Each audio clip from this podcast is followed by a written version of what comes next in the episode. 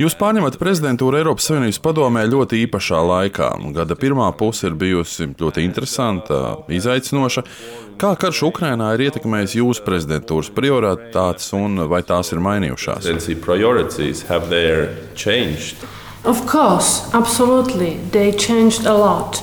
You know, uh, together with France and Sweden, Jā, pilnīgi noteikti. Tās ir mainījušās pamatīgi. Kopā ar Franciju un Zviedriju mēs bijām izveidojuši prezidentūras trio, un mēs bijām ārkārtīgi apmierināti, kad pagājušajā decembrī mēs publicējām mūsu trio programmu. Tā tika izstrādāta laikā, kad galvenie Eiropas izaicinājumi bija saistīti ar atkopšanos no pandēmijas. Tāpēc mēs koncentrējāmies uz pilsoņu aizsardzību, brīvībām, Eiropas ekonomiskā modeļa izstrādi un klimatneitrālas, zaļas un godīgas sociālās Eiropas izveidi. Taču, protams, neviena negaidītais bezprecedenta Krievijas iebrukums Ukrainā šī gada februārī pilnībā mainīja mūsu priekšstatus par drošu un mierīgu Eiropu. Tāpēc arī prioritātes bija jāmaina, lai atspoguļotu jauno realitāti. Tāpēc Čehijas prezidentūra pirmkārt koncentrēsies uz drošības jautājumiem, vienlaikus saglabājot sākotnējos plānus par digitālo un zaļo Eiropas pāreju. Un šie principi tad arī ir iekļauti piecās mūsu prezidentūras prioritātēs.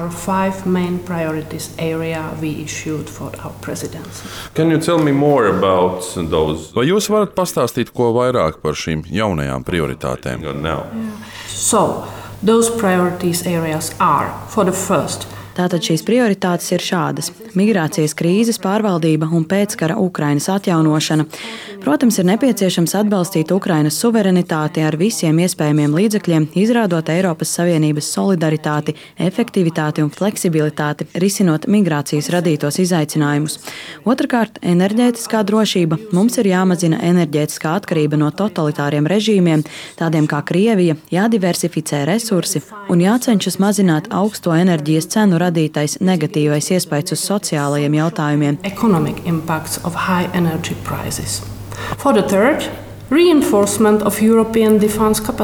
Un treškārt mums ir jāstiprina Eiropas aizsardzības kapacitāte, tostarp kiberdrošības jomā. Čehija īpaši iestāsies par sadarbības veicināšanu ar NATO, ieviešot dzīvē stratēģisko kompasu, kā arī stiprinot Eiropas Savienības ražošanas spējas stratēģiskajās sfērās. Un ceturtkārt ir nepieciešams domāt par Eiropas Savienības ekonomikas stratēģisko noturību. Atkal jau ir nepieciešams mazināt atkarību no nedraudzīgiem režīmiem, ir jāstiprina mūsu valstu iekšējais tirgus un pašpietiekamība. Un visbeidzot, mēs koncentrēsimies arī uz demokrātisko institūciju stiprināšanu. Ir jāstiprina demokrātijas un tiesiskuma principi, mediju brīvība un dialogs ar pilsoņiem. Papildus tam visam Čehija aktīvi strādās pie tā, lai stiprinātu Eiropas Savienības pozīcijas globālā līmenī. Geogrāfiski tas nozīmē transatlantiskās sadarbības veicināšanu un attiecību stiprināšanu ar citām līdzīgi domājošām valstīm. Tā ir gan Ukraina, gan Austrumu partnerības valstis, gan Rietumbalkāni, Indijas un Klusā okeāna reģions un Sahelas reģions. Western Balkan, Indo-Pacific area and Sahel. Uh, Jūs minējāt austrumu partnerību un rietumu Balkānus, uh, kuras, ja pareizi atceros, bija vienas no galvenajām prezidentūras prioritātēm pirms Ukraiņas notikumiem. Vai jūs varētu paskaidrot, kā jūs gatavojaties pielāgot šos jautājumus uh, jaunajai realitātei? Mm -hmm. For the first, I will reiterate that Czechia continues to be convinced that the Pirmkārt, es gribētu atkārtot uzsvērt, ka paplašināšanās politika ir labākais veids, kā uzturēt labas attiecības ar mūsu partneriem un kaimiņiem, gan austrumos, gan dienvidos, gan rietumbalkānos. Tāpēc ticama iestāšanās perspektīva joprojām ir un būs galvenais reformu virzītājs spēks. Tāpēc mums ir jāveicina vēl ciešākas attiecības un ekonomiskā sadarbība, īpaši ar Rietumbalkāniem. Un te, protams, priekšroka ir tiem partneriem, kuri ir pilnībā saistīti ar mūsu kopējo ārējo un drošības politiku. Mēs iestājāmies par nekavējošu iestāšanās sarunu uzsākšanu ar Ziemeļmaķedonijas republiku un Albāniju, kandidātu valsts statusa piešķiršanu Bosnijai un Hercegovinai, kā arī diskusiju uzsākšanu par vīzu režīma liberalizāciju ar Kosovu. Tas savukārt būtu labs priekšnoteikums, lai atsāktu dialogu arī starp Kosovu un Serbiju. Runājot par austrumu partnerību, mēs, protams, augstu novērtējam Eiropas Savienības lēmumu piešķirt kandidātu valsts statusu Ukrainai un Moldovai. Tāpat ir svarīgi, lai durvis paliktu atvērtas arī Grūzijai, tādējādi motivējot šo valsti turpināt nepieciešamās reformas, kas novestu pie politiskās stabilitātes. Un arī savas prezidentūras laikā mēs gribam sadarboties ar Eiropas komisiju un palīdzēt mūsu austrumu un rietumu Balkānu partneriem viņu ceļā uz tuvināšanos Eiropas Savienībai. Our Eastern partners and Western Balkan partners, as I mentioned in the concrete steps. One of the questions uh, you also mentioned in your priorities is Viena no jūsu pieminētajām prioritātēm ir arī bēgļu krīze. Jau ļoti daudz ir izdarīts, lai palīdzētu Ukraiņas bēgļiem, un ļoti daudz kas vēl būs jāpaveic nākotnē. Kas būtu tie jautājumi, uz kuriem jūs plānojat koncentrēties? putting the emphasis on in, in, in your, your uh, presidency. Please allow me once again to reiterate that EU must continue in defending Ukraine's sovereignty and territorial integrity. Es vēlreiz atgādināšu, ka Eiropas Savienībai ar visiem iespējamiem līdzekļiem un programmām ir jāatbalsta Ukrainas suverenitāte un teritoriālā nedalāmība. Nav noslēpums, ka Krievijas agresija ir izraisījusi pašu lielāko bēgļu krīzi Eiropā kopš otrā pasaules kara beigām. Tāpēc Eiropas Savienībai ir jāpalīdz tikt galā ar šo migrācijas vilni. Īpaši ir jāpalīdz sievietēm un bērniem no kara skartajiem reģioniem, un tam pilnīgi noteikti būs nepieciešams mobilizēt visus pieejamos resursus un ekspertus. Kopā ar Eiropas komisiju mūsu prezidentūra ir apņēmusies strādāt pie tā, lai šie līdzekļi tiktu efektīvi sadalīti dažādiem projektiem visvairāk skartajās dalībvalstīs, tostarp pašā Čehijā. Tāpat jāpalīdz dažādām organizācijām un pilsoniskajam sektoram. Mūsu prioritāte būs bērnu aizsardzība un viņu piekļuve izglītībai. Ir jāveicina arī sieviešu iesaistīšanās darba tirgu. Čehijas prezidentūra vēlas pievērst uzmanību arī tam, lai ilgtermiņa bēgļu integrācija mūsu sabiedrībā būtu veiksmīga. Un tas paredz arī nākamo lietu - pēckara Ukrainas atjaunošanu. Is, of course, post-war reconstruction of Ukraine. If we talk about this, uh, do you think that uh, Un, ja jau esam sākuši par to runāt, vai jūsuprāt, jau ir pienācis laiks um, runāt par šo pēckara realitāti un Ukraiņas atjaunošanu?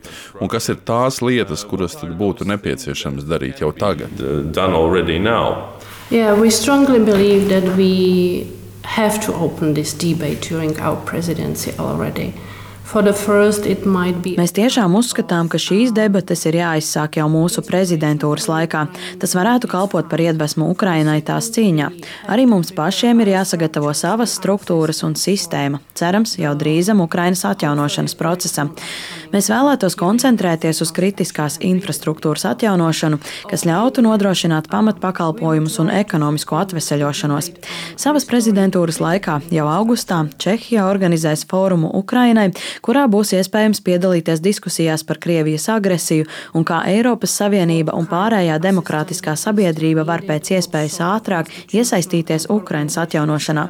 Mums jau tagad ir jāsāk runāt par to, kāda palīdzība būs nepieciešama, kā arī jārunā par atbildību par pastrādātajiem Krievijas kara noziegumiem.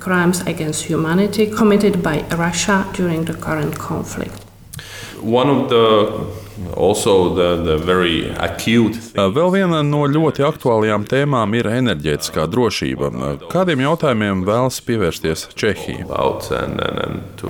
To pay attention to. Yeah, you are very right, and simply the EU can't uh, be vitally dependent on countries that Jums ir taisnība. Eiropa nevar būt atkarīga no valstīm, kas tiešā veidā apdraud tās drošību.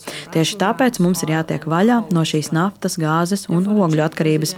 Čehijas prezidentūra vēlas kļūt par starpnieku diskusijā par enerģētisko drošību, kas mūsuprāt šobrīd ir aktuālāks jautājums nekā pārējo uz zaļākām tehnoloģijām. Tāpēc mēs esam gatavi iesaistīties diskusijās par gāzes rezervju regulēšanu un gāzes krātuvju piepildīšanu pirms ziemas. Mēs arī vēlamies atbalstīt brīvprātīgus kopīgos iepirkumus. Tas ļautu Eiropas Savienībai izmantot savu ietekmi tāpat, kā tas vēl pavisam nesen tika darīts vakcīnu iepirkumu gadījumā. way uh, as it was done during the purchases of vaccines, for example. And uh, probably final question would be. Uh, Un noslēgumā es gribētu vēl pavaicāt par gaidāmajiem pasākumiem šeit, Latvijā. Parasti prezidentūras laikā ir dažādi pasākumi, kas domāti arī vietējai sabiedrībai.